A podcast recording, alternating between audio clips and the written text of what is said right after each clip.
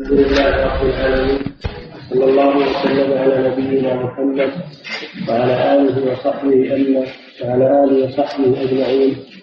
أما بعد قال الحافظ رحمه الله تعالى باب المساجد. وعن عائشة رضي الله عنها قالت قال رسول قالت أن رسول الله صلى الله عليه وسلم أمر ببناء المساجد في الدور وأن تنظف تطيب رواه أحمد وأبو داود والترمذي وصحح إرساله وعن أبي هريرة رضي الله عنه قال قال رسول الله صلى الله عليه وسلم قاتل الله اليهود اتخذوا قبور أنبيائهم مساجد متفق عليه زاد مسلم والنصارى. ولهما من حديث عائشة رضي الله عنها قالت قال رسول الله صلى الله عليه وسلم كانوا إذا مات فيهم الرجل الصالح بنوا على قبره مسجدا وفيه أولئك شرار الخلق. ذلك أولئك. أولئك شرار الخلق. وعن أبي هريرة رضي الله عنه قال بعث النبي صلى الله عليه وسلم خيلا فجاءت برجل برجل فرزق بسارية من سواري المسجد. الحديث متفق عليه. وعنه رضي الله عنه أن عمر رضي الله عنه مر بحسان ينشد في المسجد فلحظ إليه فقال قد كنت أنشد فيك؟ وفيه من هو خير منك. متفق عليه. وعنه رضي الله عنه قال قال رسول الله صلى الله عليه وسلم من سمع رجلا ينشد ضالة في المسجد فليقل لا ردها الله عليه. رواه مسلم. وعنه رضي الله عنه قال قال رسول الله صلى الله عليه وسلم إذا رأيتم من يبيع أو يبتاع في المسجد فقولوا لا أربح الله تجارته رواه الترمذي والنسائي رواه النسائي والترمذي وحسنه وعن حكيم بن حزام رضي الله عنه قال قال رسول الله صلى الله عليه وسلم لا تقام الحدود في المساجد ولا يستفاد فيها. رواه أحمد وأبو داود بسند ضعيف. وعن عائشة رضي الله عنها قالت اصيب سعد رضي الله عنه في غزوة الخندق فضرب عليه رسول الله صلى الله عليه وسلم خيمه في المسجد يعوده من قريب متفق عليه وعنها رضي الله عنها قالت رأيت رسول الله صلى الله عليه وسلم يسترني وأنا عندي من الحبشة يلعبون في المسجد متفق عليه. بسم الله الرحمن الرحيم. الحمد لله رب العالمين وصلى الله وسلم على نبينا محمد وعلى آله وصحبه وبعد. قال رحمه الله باب المساجد لما فرغ من ذكر الأحاديث المتعلقة بأحكام الصلاة ناسب أن يذكر مكان الصلاة الذي تؤدى فيه وهو المساجد. المساجد هي محل إقامة الصلوات المفروضة ولها أحكام. أرشد إليها النبي صلى الله عليه وسلم يجب معرفة ذلك. المساجد جمع مسجد يقال مسجد بكسر الجيم ويقال مسجد بفتحها المسجد بفتح بكسر الجيم هو مكان الصلاة المخصص لها. وأما المسجد بفتح الجيم فالمراد به موضع السجود موضع السجود.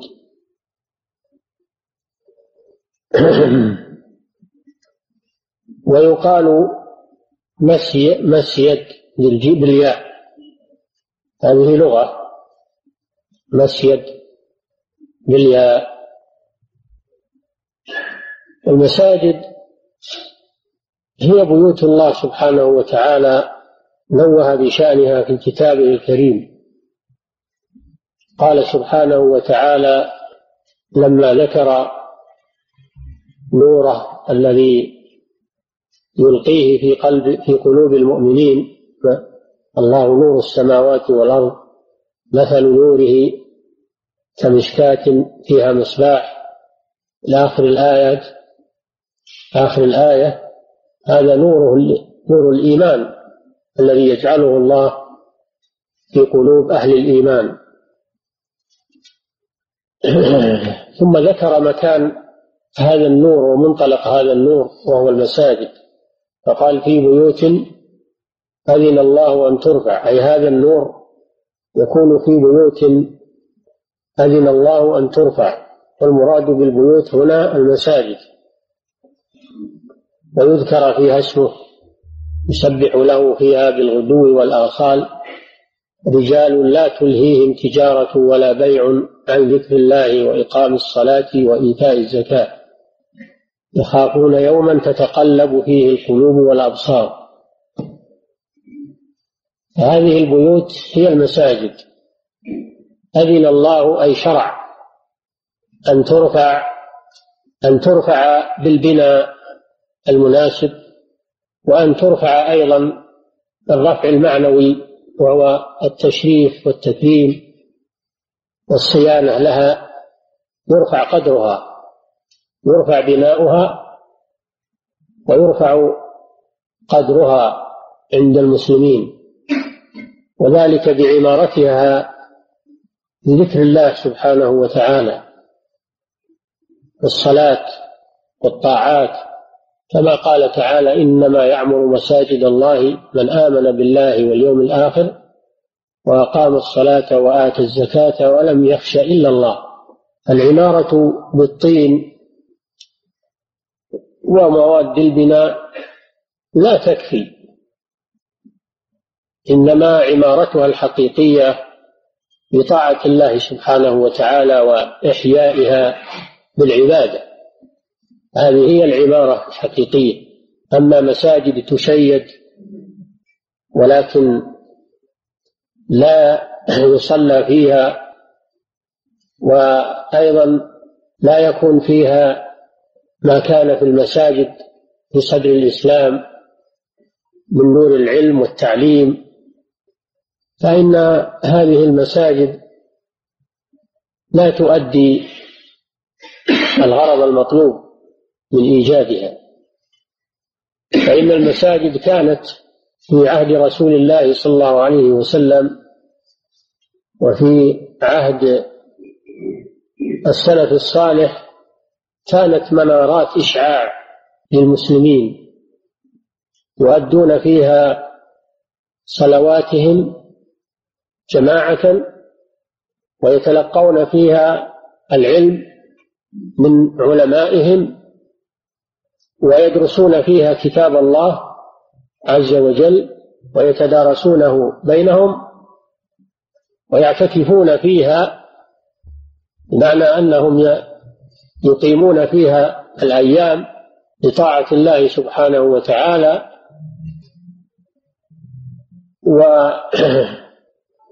ويجلس فيها العلماء لحل الخصومات والقضاء بين المسلمين والفتيا. وكذلك كانت تعقد فيها رايات الجهاد في سبيل الله ويعين فيها القادة قادة الجهاد كل ذلك في المساجد. فكانت المساجد في عهد السلف الصالح هي مصدر الخير بجميع أنواعه للمسلمين. وأما في العصور المتأخرة فإن المساجد عطلت من كثير من وظائفها.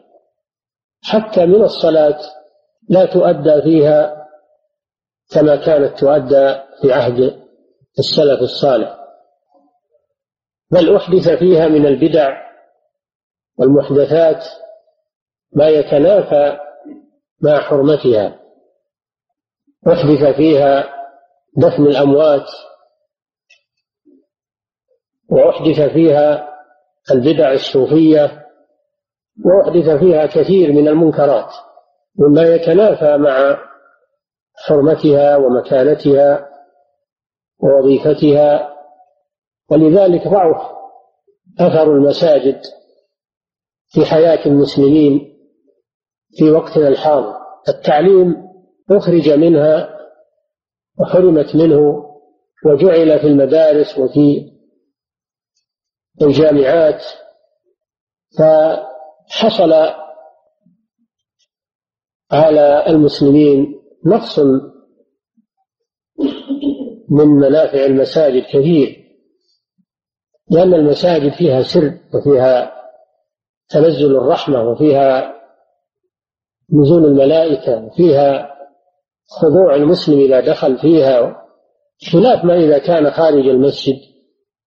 الحاصل أن المساجد لها مكانة عظيمة في الإسلام.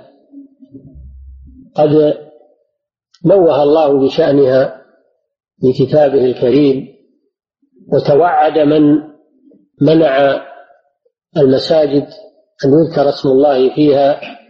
قال سبحانه وتعالى ومن أظلم ممن منع مساجد الله أن يذكر فيها اسمه وسعى في خرابها أولئك ما كان لهم أن يدخلوها إلا خائفين. لهم في الدنيا خزي ولهم في الآخرة عذاب عظيم. قال سبحانه وأن وتعالى وأن المساجد لله فلا تدعوا مع الله أحدا.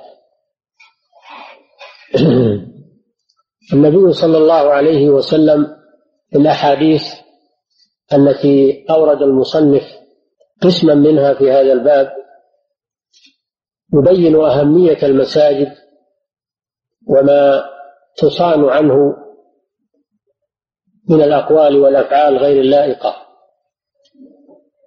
وقد وردت في المساجد أحاديث كثيرة وكان علماء الحديث يخصصون لها بابا خاصا كما في صحيح البخاري وغيره وكما في هذا الكتاب. بل ألفت في المساجد مؤلفات مستقلة بينت فيها أورد فيها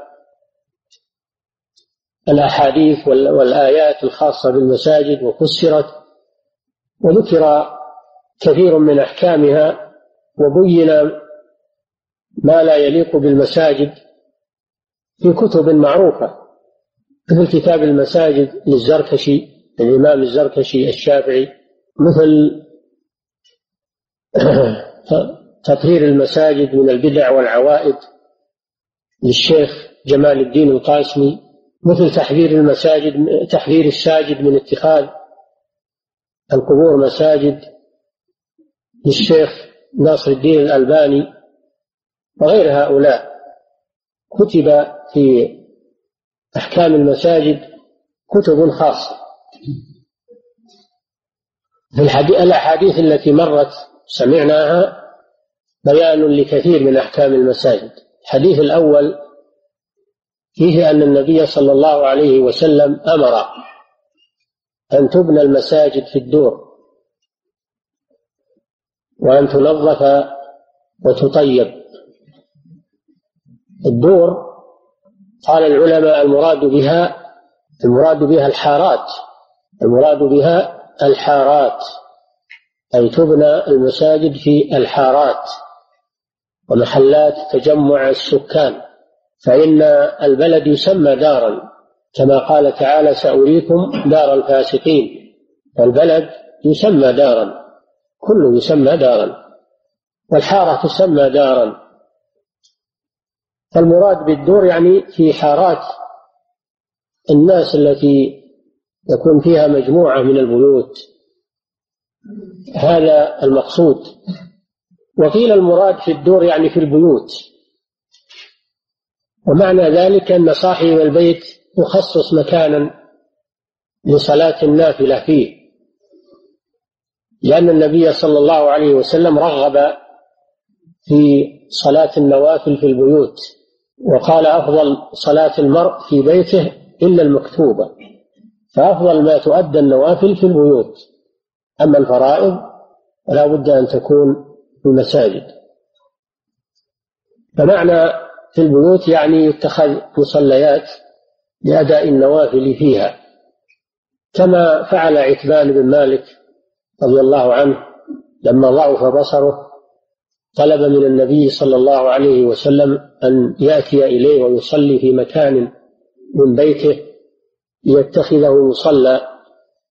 فالنبي صلى الله عليه وسلم ذهب إليه وصلى في بيته وصلى خلفه الحاضرون.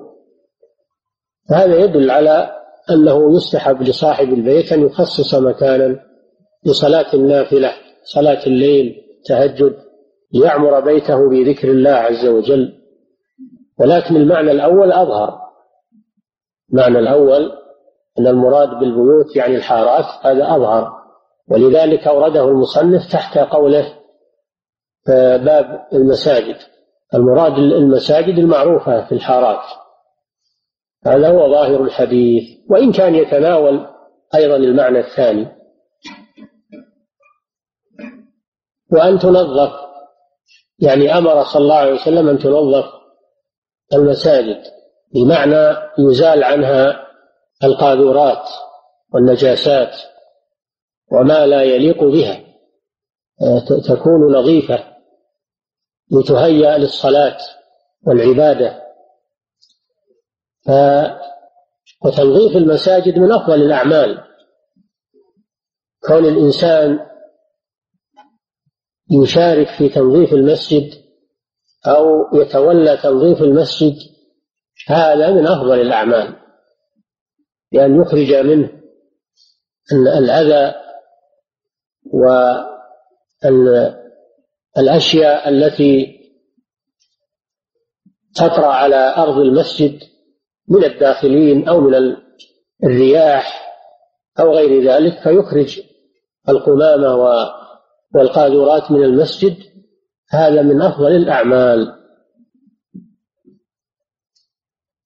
وإذا كان النبي صلى الله عليه وسلم أمر بتنظيفها ففي ذلك النهي عن ففي ذلك النهي عن إلقاء الأشياء التي تتنافى مع نظافة المسجد. تلقى فيه المخلفات أو المناديل المستعملة أو غير ذلك.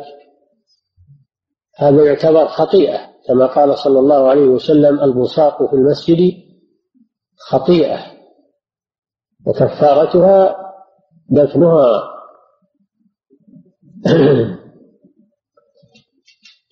وأن تطيب. تجعل فيها الرائحة الطيبة من البخور وسائر الروائح الطيبة لأنها مأوى الملائكة ومأوى المصلين والملائكة تتأذى مما يتأذى منه الإنسان فتزال منها الروائح الكريهة ويجعل محلها الروائح الطيبة من العطورات والبخور وغير ذلك. وفي قوله صلى الله عليه وسلم أن تطيب دليل على النهي عن أن يدخلها الإنسان برائحة كريهة. وقد منع النبي صلى الله عليه وسلم آكل الثوم وآكل البصل من دخول المسجد.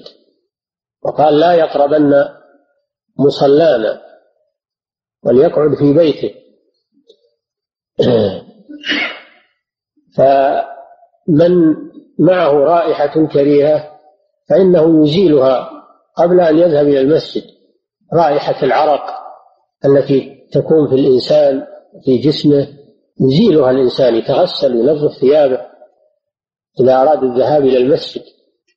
ولا يجوز له أن يتناول ما فيه رائحة كريهة قرب الصلاة كالكراث والبصل والثوم أو أشد من ذلك الدخان آه الذي ابتلي به كثير من الناس اليوم فإن رائحته كريهة وضارة. الحاصل أنه أن الإنسان يبتعد عن الروائح الكريهة فلا يدخل بها إلى المسجد لأنه يؤذي الملائكة ويؤذي المصلين ويسيء إلى المسجد. فدل هذا الحديث على وجوب على وجوب بناء المساجد في الحارات. الاهتمام بذلك وأنه لا يجوز لأهل الحارة أن يخلو مس... أن تخلو حارتهم من مسجد يصلون فيه أهل الحارة وأهل القرية. تجمعات السكانية يجب أن يعتنوا بإيجاد مسجد في وسطهم يصلون فيه. فإذا كانت الحارة خالية من المسجد فهذا نقص في أهلها. ووجود المساجد في الحارات فيه خير كثير وراحة للمسلمين وإعانة لهم على الصلوات. على صلاة الجماعة. الحديث هذا يدل على وجوب إعداد المساجد في الحارات وتحريم خلوها من المساجد. وفيه دليل على وجوب تنظيف المساجد من كل أذى. وفيه دليل على وجوب تطييب المساجد بالرائحة الطيبة. وفي مفهوم ذلك النهي عن توسيخ المساجد أو إيجاد الروائح الكريهة فيها. وأما قوله صحح الترمذي إرساله فالمرسل معروف وهو ما يكون من كلام الصحابي ضد المرفوع وهو ما كان من كلام النبي صلى الله عليه وسلم. نعم.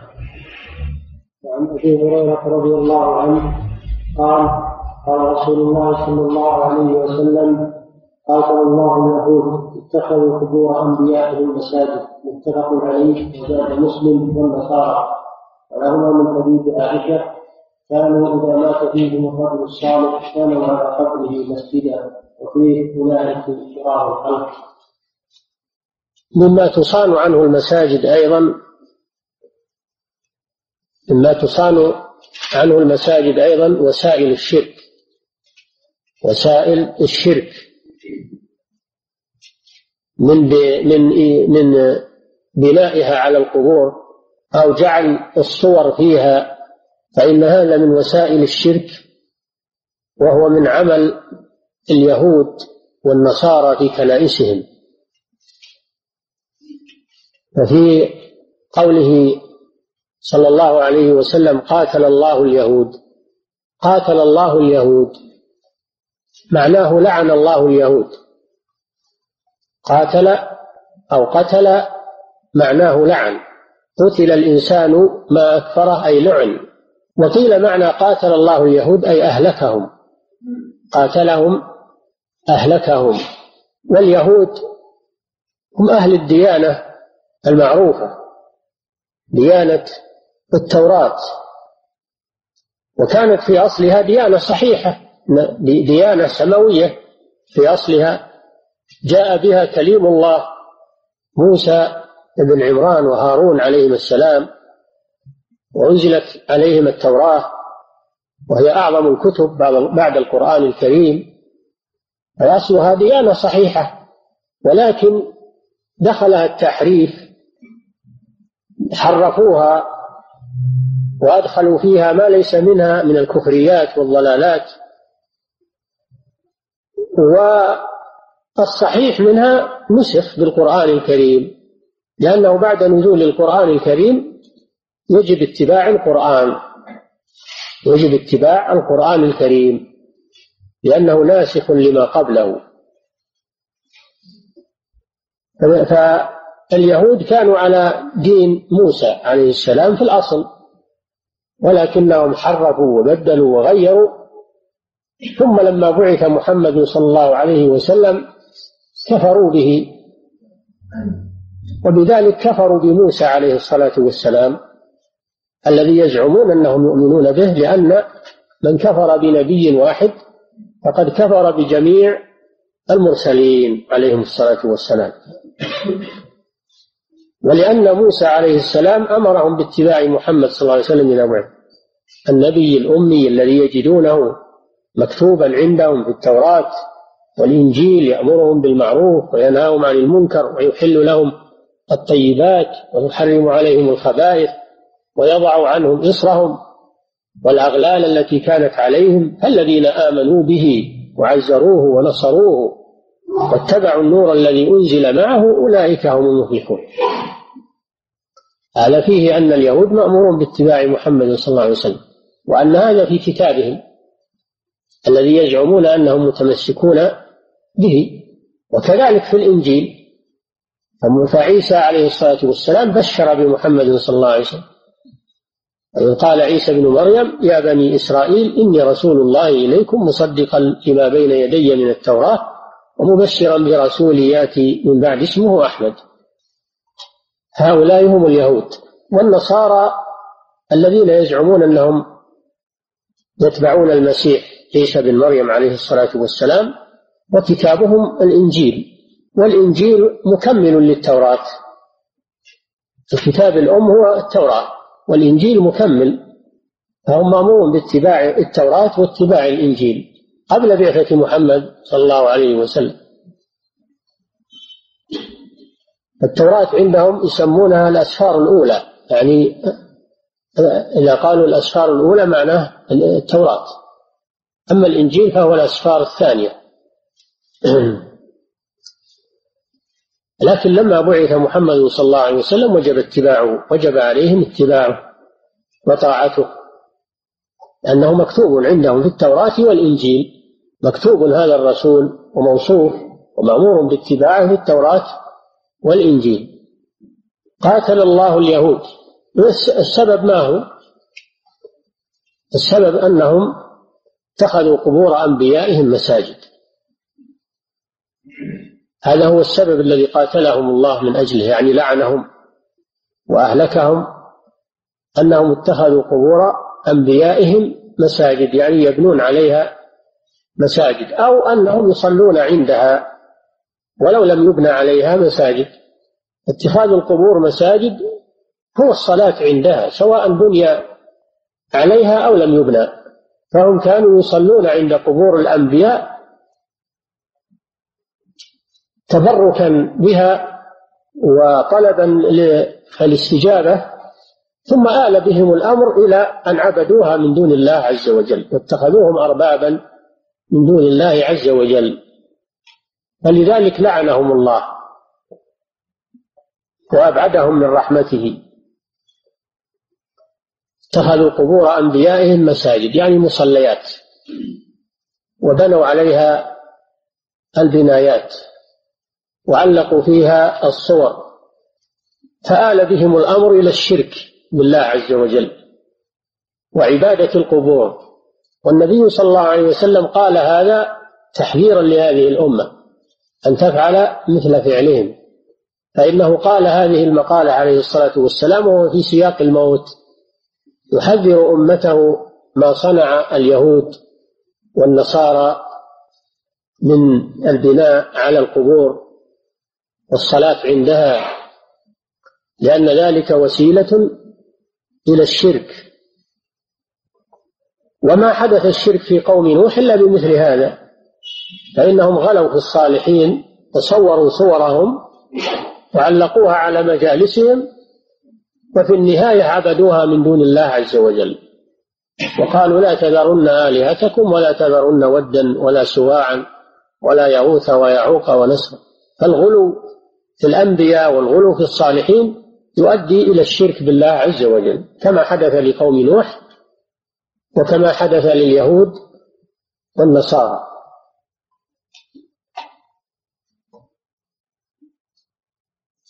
وفي الرواية الأخرى أنه صلى الله عليه وسلم لما ذكرت له أم حبيبة وأم سلمة ما رأتاه بأرض الحبشة لأن أم سلمة وأم حبيبة رضي الله عنهما هاجرتا إلى الحبشة مع زوجيهما الهجرة الأولى. وبلاد الحبشة بلاد نصارى فشاهدتا فيها الكنائس. مبنية ومزخرفة فيها الصور فذكرتا ذلك لرسول الله صلى الله عليه وسلم. فقال الرسول صلى الله عليه وسلم أولئك إذا إذا مات فيهم الرجل الصالح أو العبد الصالح بنوا على قبره مسجدا وصوروا فيه تلك الصور. أولئك شرار الخلق عند الله. ودل هذا الحديث على مسائل.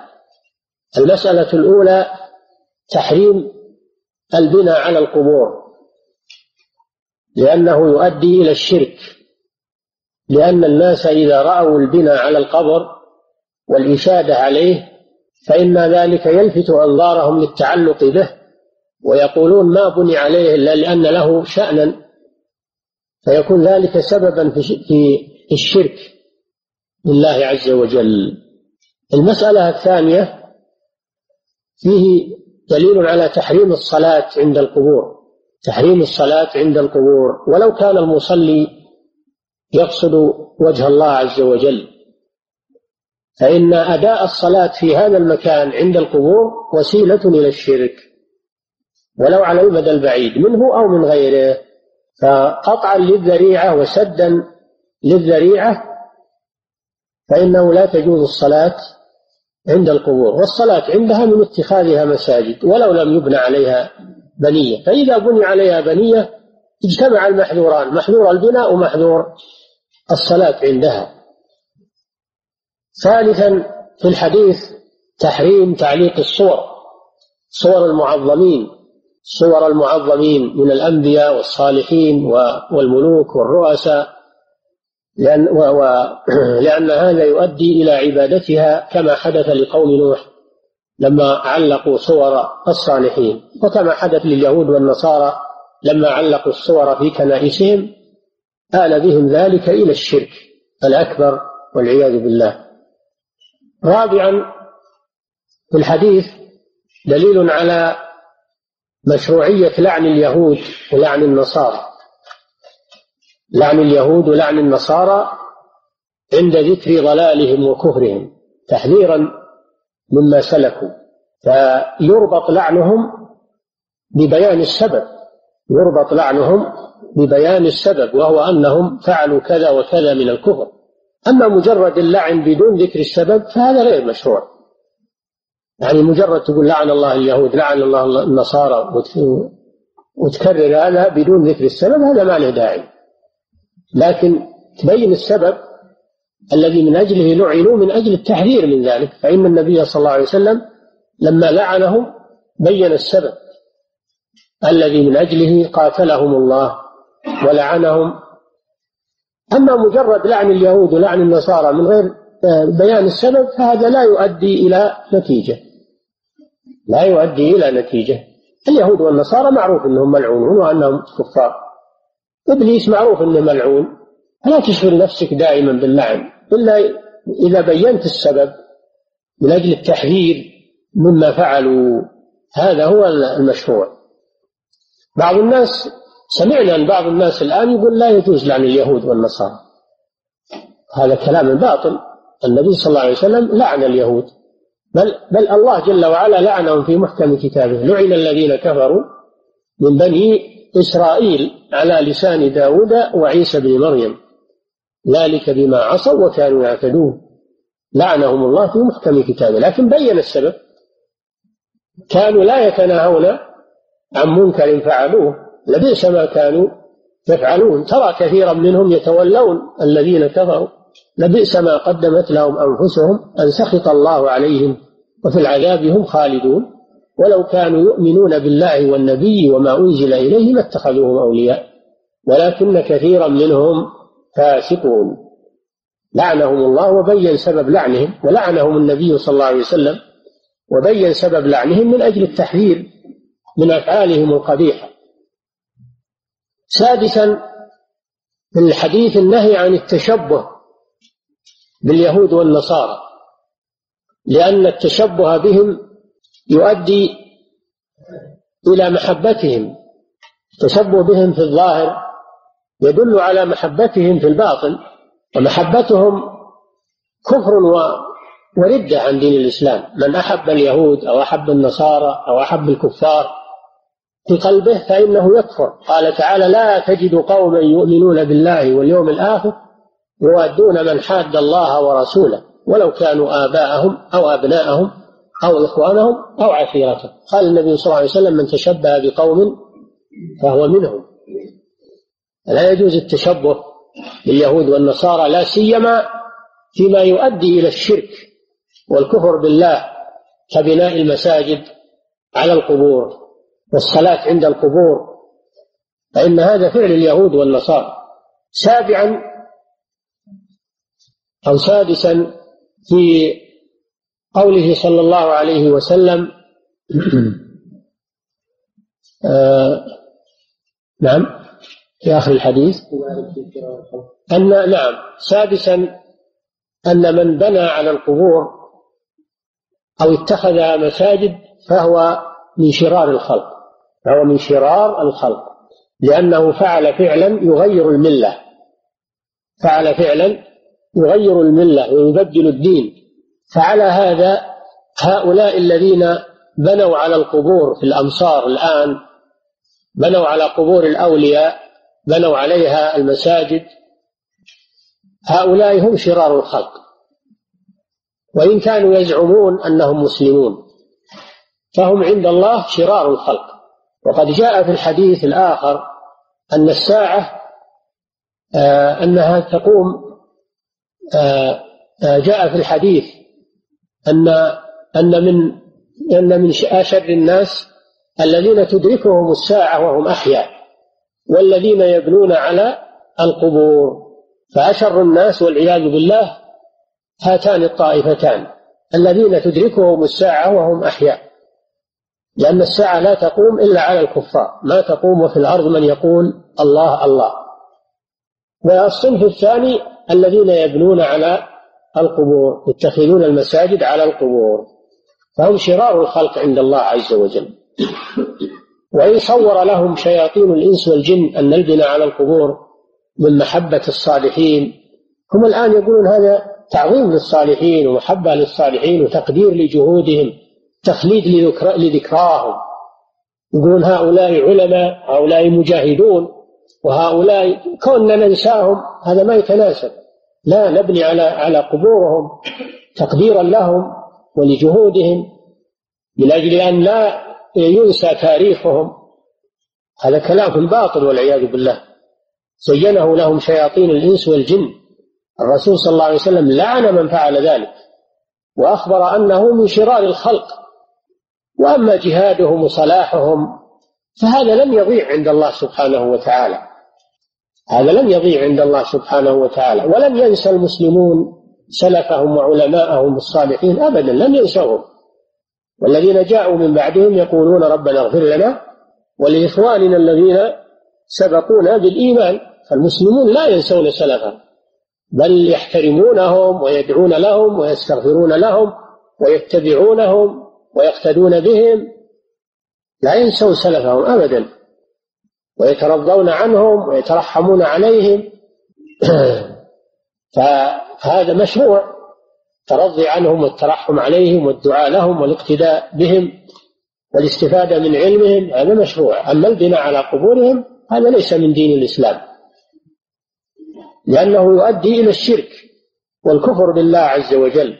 وما حصل الخلل بالمسلمين إلا لما بنيت هذه المزارات وهذه المشاهد على القبور. فحصل الخلل في المسلمين من ذاك التاريخ. وأول من دس البناء على القبور كما يقول شيخ الإسلام ابن تيمية أول من دسه الشيعة الفاطميون. الشيعة الفاطميون لما استولوا على مصر وعلى بلاد المغرب وعلى كثير من بلاد المسلمين دسوا على المسلمين البناء على القبور فتبعهم الصوفية بعد ذلك. واستمروا على هذه الطريقة الشيطانية. ولا يزال المسلمون يعانون من هذا الذي حذر منه رسول الله صلى الله عليه وسلم ولعن من فعل. نعم. وعن أبي هريرة رضي الله عنه قال بعث النبي صلى الله عليه وسلم خيلا. ثم أيضا مما يدل عليه الحديث المسألة السابعة وهي مهمة جدا. أنها لا تصح الصلاة في المساجد المبنية على القبور. المسألة السابعة أنها لا تصح الصلاة في المساجد المبنية على القبور لأن النبي صلى الله عليه وسلم نهى عن عن ذلك. ولعن من فعله والنهي يقتضي الفساد فساد المنهي عنه. فلا يجوز الصلاة عند في المساجد المبنية على القبور لأن الصلاة عندها من اتخاذها مساجد. وقد قال صلى الله عليه وسلم ألا فلا تتخذوا القبور مساجد. فإني أنهاكم عن ذلك. هذا دليل على أن الصلاة في هذه المساجد المبنية على القبور سواء قبر الحسين أو قبر علان أو فلان لا تصح الصلاة فيها لأنها ليست مساجد وإنما هي مشاهد شركية. لا تجوز الصلاة فيها.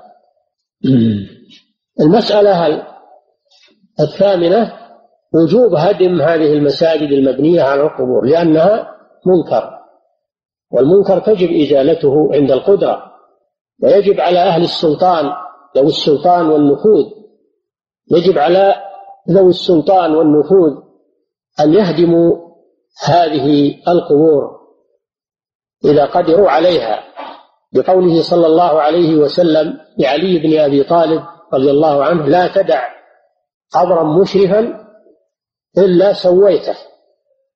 يعني هدمته سويته بالأرض ولا صورة إلا طمستها لأن هذه وسائل الشرك.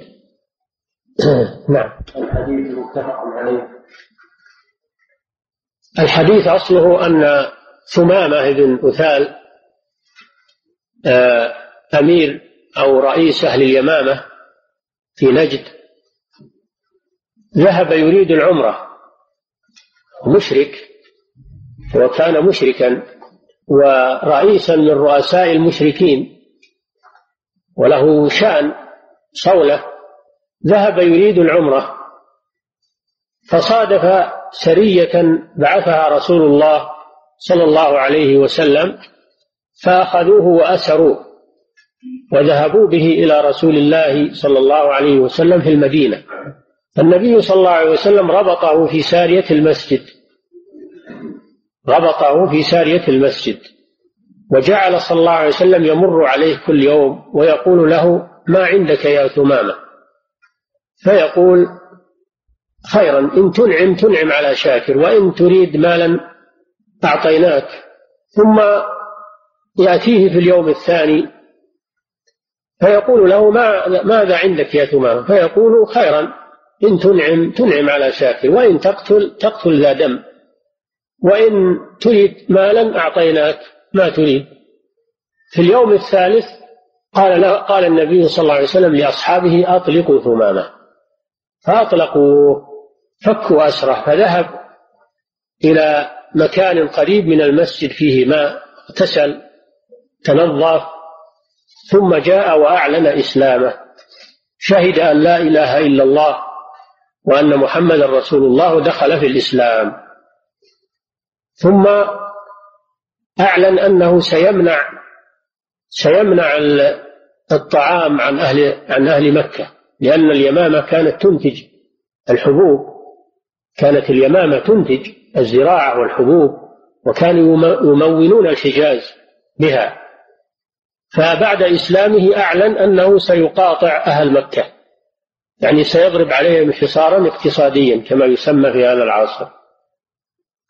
النبي صلى الله عليه وسلم لما من عليه وأطلقه أثر ذلك في نفسه فأحب الرسول صلى الله عليه وسلم ودخل في الإسلام وصار مع المسلمين ضد المشركين. الشاهد من هذا الحديث فيه أحكام كثيرة. أولا فيه ما ساق المصنف هذا الحديث من أجله في هذا الباب وهو جواز دخول الكافر في المسجد. فإن النبي صلى الله عليه وسلم ربط فيه ثمامة وهو مشرك وبقي فيه ثلاثة أيام. ففيه جواز دخول الكافر في المسجد إذا كان هذا لمصلحة كان يرجى إسلامه أو يأتي هو وافدا إلى المسؤول من المسلمين يأتي برسالة أو يأتي بسفارة فله أن يدخل المسجد ليبلغ ما جاء به أو, أو أن أن ولي الأمر يرى ربطه في المسجد وأسره في المسجد إيقافه ما يسمى الآن بالإيقاف أو السجن. فهذا يدل على جواز دخول الكافر إلى المسجد إذا كان إذا كان لحاجة ولمصلحة أو يكون مهندس أو عامل يعمل عمل في المسجد أو بنى يعمل عمل في المسجد فلا بأس بذلك. لأن المشركين كانوا يدخلون على النبي صلى الله عليه وسلم في المسجد. دخل عليه نصارى نجران ودخل عليه ثمامة ودخل عليه عدي بن حاتم ودخل عليه قبل أن يسلم دخل عليه خلق كثير. من المشركين. فدل على جواز دخولهم المسجد. وهذا ما ذهب إليه كثير من أهل العلم. إلا المسجد الحرام فإن الله جل وعلا يقول إنما المشركون نجس فلا يقربوا المسجد الحرام بعد عامهم هذا. المسجد الحرام مستثنى. لا يمكن المشركون من دخوله بل لا يدخلون الحرم كله. داخل الأميال لا يمكنون من دخول الحرم. لأن الله منعهم من ذلك. أما بقية المساجد فالذي عليه جمهور أهل العلم جواز دخولهم فيها. وذهبت طائفة من أهل العلم إلى أنهم لا يدخلون سائر المساجد لا المسجد الحرام ولا غيره مستدلين بقوله تعالى ومن أظلم ممن منع مساجد الله أن يذكر فيها اسمه وسعى في خرابها أولئك ما كان لهم أن يدخلوها. ما كان لهم أن يدخلوها إلا خائفين. ولكن الواقع أن هذه الآية إنما هي في من تسلط على المساجد من تسلط من المشركين على المساجد ومنع المسلمين منها كما منع المشركون رسول الله صلى الله عليه وسلم عام الحديبية ومن معه من المسلمين من دخول المسجد الحرام وكما منع النصارى في وقتهم الدخول إلى بيت المقدس وقذروه بالزبالات. فالآية إنما هي في من تسلط على المساجد ومنع أهلها من دخولها منع أهلها من دخولها. قال تعالى وهم يصدون عن المسجد الحرام وما كانوا أولياءه إن أولياؤه إلا المتقون ولكن أكثرهم لا يعلمون. فمن تسلط على المساجد من المشركين ومنع المسلمين منها فإن عليه هذا الوعيد. وليس في الآية ما يدل على منع دخول الكافر العادي الذي ليس له تسلط ولم يمنع المسلمين منها. وبهذا تجتمع الأدلة. بهذا تجتمع الأدلة. يدل على جواز دخولهم للحاجة. إلا المسجد الحرام فإنهم لا يدخلونه. لأن الله نص عليه. المسألة الثانية في الحديث دليل على حسن خلقه صلى الله عليه وسلم وحكمته في الدعوة إلى الله عز وجل. حسن خلقه صلى الله عليه وسلم وحكمته في الدعوة إلى الله عز وجل فإنه لم يعاجل لم يعاجل هذا الكافر والمشرك لم يعاجله بالعقوبة والانتقام وإنما أمهله أعطاه المهلة وتلطف معه حتى أثر ذلك في قلبه وتسبب ذلك في دخوله في الإسلام وهكذا يجب على الدعاة إلى الله عز وجل. أن يكونوا على خلق الرسول صلى الله عليه وسلم في الدعوة والتلطف مع المدعوين والرفق بهم حتى يهديهم الله سبحانه وتعالى. أما إذا قوبلوا بالعنف والعجلة والطيش فإن هذا ينفر عن الإسلام ويأتي بنتيجة عكسية. المسألة الثالثة في الحديث دليل على قضية السجن والإيقاف فإن النبي صلى الله عليه وسلم أوقف هذا الرجل وسجنه في المسجد وربطه. فإذا كان السجن فيه مصلحة إذا كان السجن والإيقاف فيه مصلحة فإنه مشروع. نعم. وعنه أن عمر رضي الله عنه مر بحسان ينشد في المسجد فلحق إليه فقال قد كنت أنشد فيه وفيه نازع غيره. متفق عليه. وهذا أيضا مما يجوز في المسجد وهو إنشاد الشعر. فيجوز إنشاد الشعر في المسجد لأن حسانا رضي الله عنه حسان بن ثابت الأنصاري شاعر الرسول صلى الله عليه وسلم الذي دافع عن الرسول صلى الله عليه وسلم ودافع عن الدعوة دفاعا قويا حتى قال النبي صلى الله عليه وسلم إن شعره أشد عليهم من وقع النبل. فحسان رضي الله عنه كان ينشد الشعر يعني يلقيه معنى ينشده يعني يلقيه في المسجد على الحاضرين. فمر عمر رضي الله عنه فلحظة يعني نظر إليه نظر استنكار نظر إليه نظر استنكار كأن عمر لا يرى إنشاد الشعر في المسجد. فبين له حسان رضي الله عنه أنه كان يفعل ذلك على عهد النبي صلى الله عليه وسلم ولم ينكر عليه. أقره على ذلك. فقال كنت أنشده وفيه من هو خير منك. يعني رسول الله صلى الله عليه وسلم. فحسان ذكر الدليل. ذكر الدليل وهو إقرار الرسول صلى الله عليه وسلم له على ذلك. فدل على جواز إنشاد الشعر في المسجد. وقد ذكروا أن حسان كان ينشد قصيدته التي هجا بها المشركين الهمزية التي هجا بها المشركين ورد على شاعرهم آه الذي تناول الرسول صلى الله عليه وسلم وهو أبو سفيان بن الحارث ثم أن هذا الرجل من الله عليه بالإسلام وأسلم رضي الله عنه.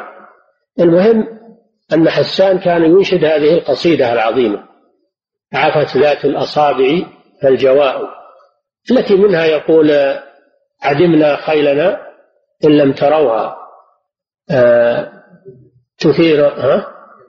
تثير النقع موعدها كداء إلى آخرها. يقول هجوت رسول الله فأجبت عنه. هجوت محمدا هجوت رسول الله فأجبت عنه. فخيركما لشركما فشركما لخيركما الفداء. أتهجوه ولست له بكفء وأنت مجوف نخب هواء إلى آخره.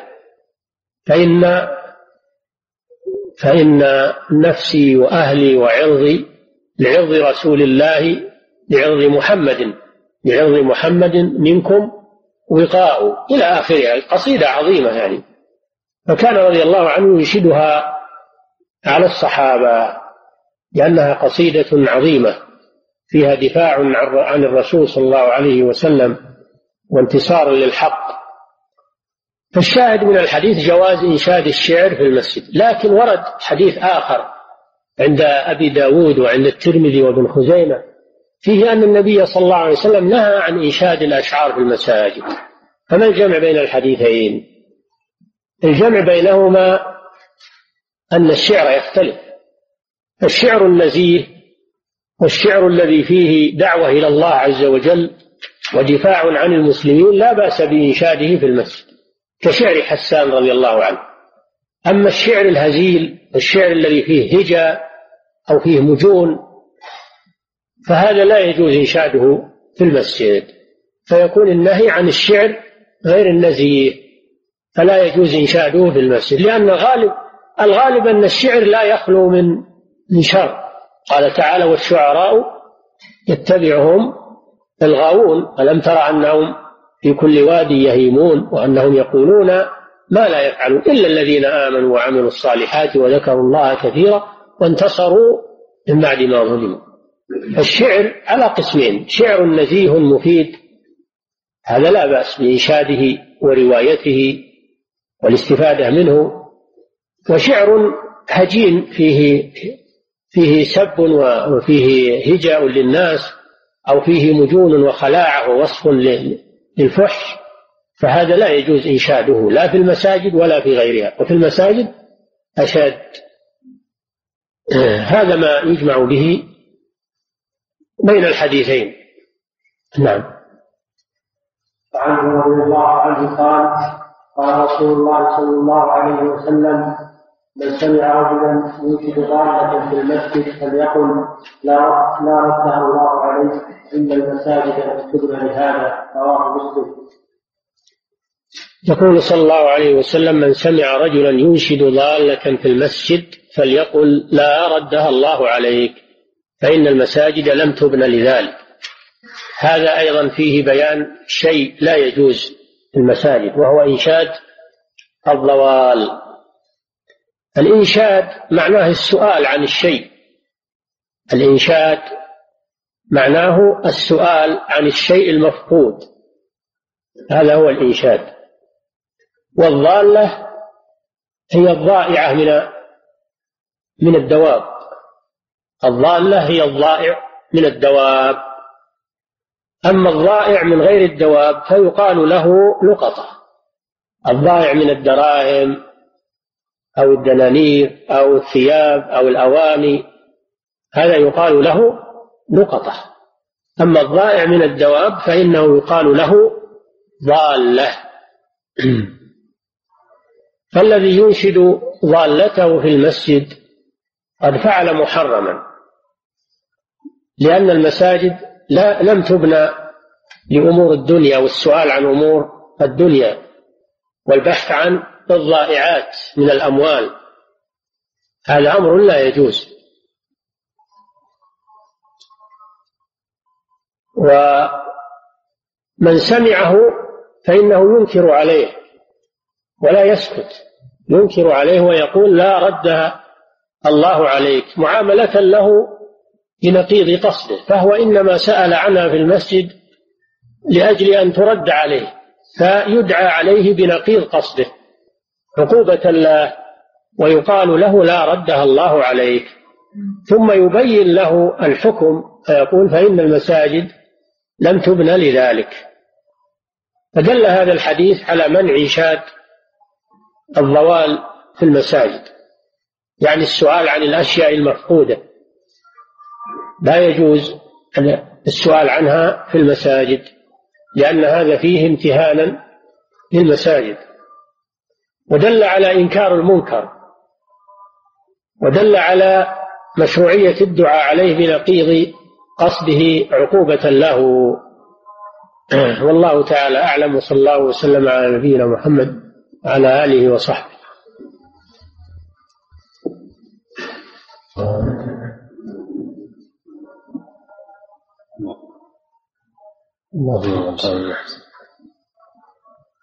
بالمناسبة هذا آخر درس.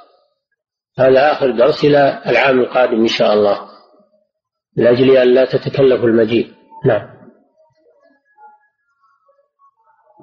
بسم الله الرحمن الرحيم. الحمد لله رب العالمين وصلى الله وسلم على نبينا محمد وعلى آله وصحبه أجمعين. قضية الشيخ ما الحكم إذا دخل وقت الصلاة وضاق الوقت؟ ولم يدخل الإنسان غير هذا المسجد الذي بني على هذا القبر خصوصا إذا كان الإنسان غريبا في هذا البلد. حكم أنه لا يصلي فيه لأن صلاته غير صحيحة فلا يصلي فيه. لكن صلي في مكان آخر. يلتمس مكانا آخر والأرض واسعة ولله الحمد. نعم.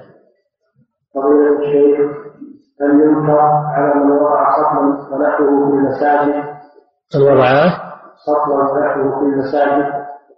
من أجل إيش؟ وضع المناديل المستعملة ونحوها علما بأنها تزال بعد ثلاثة أيام أو بعد مدة معلومة. نعم ينكر عليه. لا, لا توضع القمامات في المساجد. ولو, ولو كانت في اسطول أو في صناديق. تخرج في الحال. تخرج في الحال. نعم.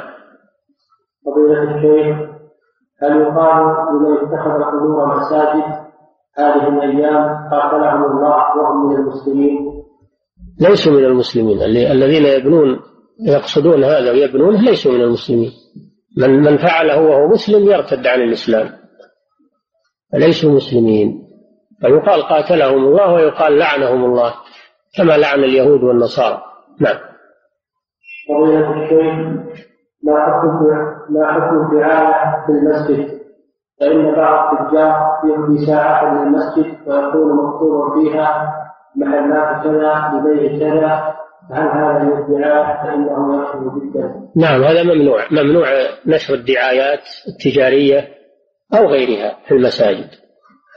لا ينشر إعلانات عن تجارة أو عن تأجيرات أو إعلان لطلب محل للتأجير أو ما أشبه ذلك كل هذا ممنوع في المساجد لا يعلن شيء. الساعات اللي عليها دعايات تمسح تمسح الدعاية. وكذلك التقويم اللي عليه دعاية شركة أو دعاية محل تمسح الدعاية. أو جاء بتقويم ليس فيه دعاية. المهم لا يجوز إعلان الدعايات في المساجد. لأنها لم تبنى لإعلان التجارة وطلب أمور الدنيا. نعم. فضيلة الشيخ هل من أكل الثوم أو البصل أو غيره مما يشبه الروائح المؤذية ودخل وقت الصلاة فهل يصلي وفيه هذه الرائحة أم لا يصلي مع الجماعة؟ النبي صلى الله عليه وسلم منع من الحضور إلى المسجد لأنه يؤذي المصلين. لكن إن كان بإمكانه أن يزيل هذه الرائحة إذا وجد مثلا أشياء تزيل هذه الرائحة إنه يزيلها. أما إذا بقيت فيه وهي ظاهرة وتنتشر على من حوله فإنه لا يصلي في المسجد. لأنه بهذا يخالف نهي الرسول صلى الله عليه وسلم. نعم. فضيلة الشيخ كيف نرد على من احتج بوجود قبر النبي صلى الله عليه وسلم في ناحية المسجد فيقول كما جازت فيه الصلاة جازت في غيره. قبر الرسول صلى الله عليه وسلم لم يكن في مسجده وإنما كان في بيته. دفن صلى الله عليه وسلم في بيته والحكمة في ذلك أنه لو دفن في البقيع أو في غيره ربما يحصل من الناس فتنة حوله. فهو دفن في بيته صيانة له عن الافتتان وكان بيته خارج المسجد. إلى أن وسع المسجد في عهد الوليد بن عبد الملك فأدخل بيت الرسول صلى الله عليه وسلم في المسجد. فبيت مسجد الرسول مبني قبل وفاته صلى الله عليه وسلم بزمان طويل حينما قدم المدينة أول ما بدأ ببناء المسجد وليس فيه قبر. فلم يؤسس على قبر ولم يبنى على قبر ولم يدفن فيه الرسول صلى الله عليه وسلم. وإنما دفن في بيته حفاظا عليه. كون بعض الخلفاء تصرف وأدخل الحجرة في المسجد هذا خطأ بلا شك. لكن لا يقال إن هذا إن مسجد الرسول بني على قبر ولا تصح الصلاة فيه ولا ولا. هذا كلام جاهل أو كلام مغالط. نعم. فضيلة الشيخ ما حكم اتخاذ أو إقامة أسبوع للمساجد؟ وهل هذا يعد من البدع المحدثات؟ لا شك أنها ليس بعمل طيب. والمساجد يعتنى بها في كل السنة. ليس العناية بها في أسبوع فقط. هذا مجرد تشبه بالأيام الأخرى أسبوع الشجرة أسبوع النظافة أسبوع هذا هذا لا يجوز. لا يجوز عمل أسبوع المساجد. المساجد يعتنى بها وتنظف في كل السنة وفي كل يوم ولله الحمد. لا في أسبوع خاص. نعم. أيضا هذا تشبه بالكفار لأن الأيام هذه والأسابيع ما جتنا إلا من عادات الكفار ما عرفناها من قبل. نعم.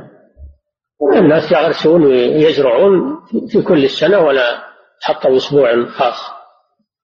ها؟ ولا الطفل ولا الأم ولا ولا كل هذه عادات جاهلية. نعم. فضيلة الشيخ هل من هدي الإسلام كثرة المساجد في الحي الواحد؟ تقارب المساجد لا غير مشروع لأن بعضها يضر ببعض. تقاربها تجاورها هذا غير مشروع لأن فيه إضرارا في في في جماعات المساجد وأيضا الأصوات الآن أصبحت تؤثر على المجاورين. فالمساجد يكون بينها مسافات مناسبة حسب الحاجة. أما إكثار المساجد في بعض الحارات تزاحمها هذا غير مشروع. وفيه أضرار. بينما بعض الحارات ليس فيها مساجد. هناك مسافات ليس فيها مساجد. فلو أن هذه المساجد المزدحمة وزعت على البلد ووزعت على الحارات لكان هذا أنفع وأعظم لأجر من بناها نعم. فمن أراد أن يبني مسجدا فإنه يتحرى المكان المحتاج لذلك إذا كان يريد الأجر. يتحرى المكان المحتاج لهذا ويبني فيه المسجد. نعم. فضيلة الشيخ بنى رجل في السودان مسجدا بتمويل من أحد المحسنين وقبل أن يكتمل هذا المسجد مات الذي كان مشرفا عليه. فقام أهله بدفنه في بناء هذا المسجد والآن المسجد اكتمل وتقام به الصلاة والجمعة والناس على خلاف في القبر وأخيرا وضع في جانب في جانب من البناء الخارجي ألا تصح لا تصح الصلاة في هذا المسجد. إذا كان القبر داخل المسجد فلا تصح الصلاة فيه والواجب نبش القبر ينبش القبر وينقل إلى المقابر إلى مقابر المسلمين يدفن مع المسلمين ويبعد عن المسجد. إذا كان إذا كان القبر هو الأول وبني المسجد عليه فإن المسجد يهدم لأنه حدث. أما إذا كان العكس المسجد هو القديم ثم دفن الميت فيه بعد ذلك فإن القبر ينقل ويبقى المسجد. أما أن يبقى مسجد وقبر فهذا لا يجوز في الإسلام. نعم. فضيلة الشيخ من وجد شيئا في المسجد كيف يعلن عنه؟ خارج المسجد يعلن عنه خارج المسجد يقف عند باب المسجد وينادي من شاف كذا من رأى كذا خارج المسجد. ما, ما في مانع خارج المسجد على الباب ما خالف نعم. فضيلة الشيخ هل ينكر على من طلب المال في المساجد كما يفعله كثيرا من الناس اليوم؟ المحتاج لا بأس أن يسأل في المسجد إذا كان محتاجا. أما إذا كان غير محتاج فإنه حرام عليه السؤال في المسجد وفي خارج المسجد. السؤال إنما يجوز للحاجة فقط. أما السؤال من غير حاجة فإنه حرام. وما يأخذه من السؤال عن غير حاجة يكون سحتا وجمرا في جهنم كما جاء في الأحاديث من سأل الناس تكثرا فإنما يسأل جمرا فليقل أو ليستكثر. ومن سأل من غير حاجة جاء يوم القيامة ومسألته في وجهه خدوش والعياذ بالله يعني تكون سيمة سيئة في وجهه. وكذلك يأتي يوم القيامة وليس في وجهه مزعة من لحم. الوعيد في هذا شديد. فإذا انضاف إلى هذا أنه يسأل في المساجد وهو من غير حاجة فالأمر أشد.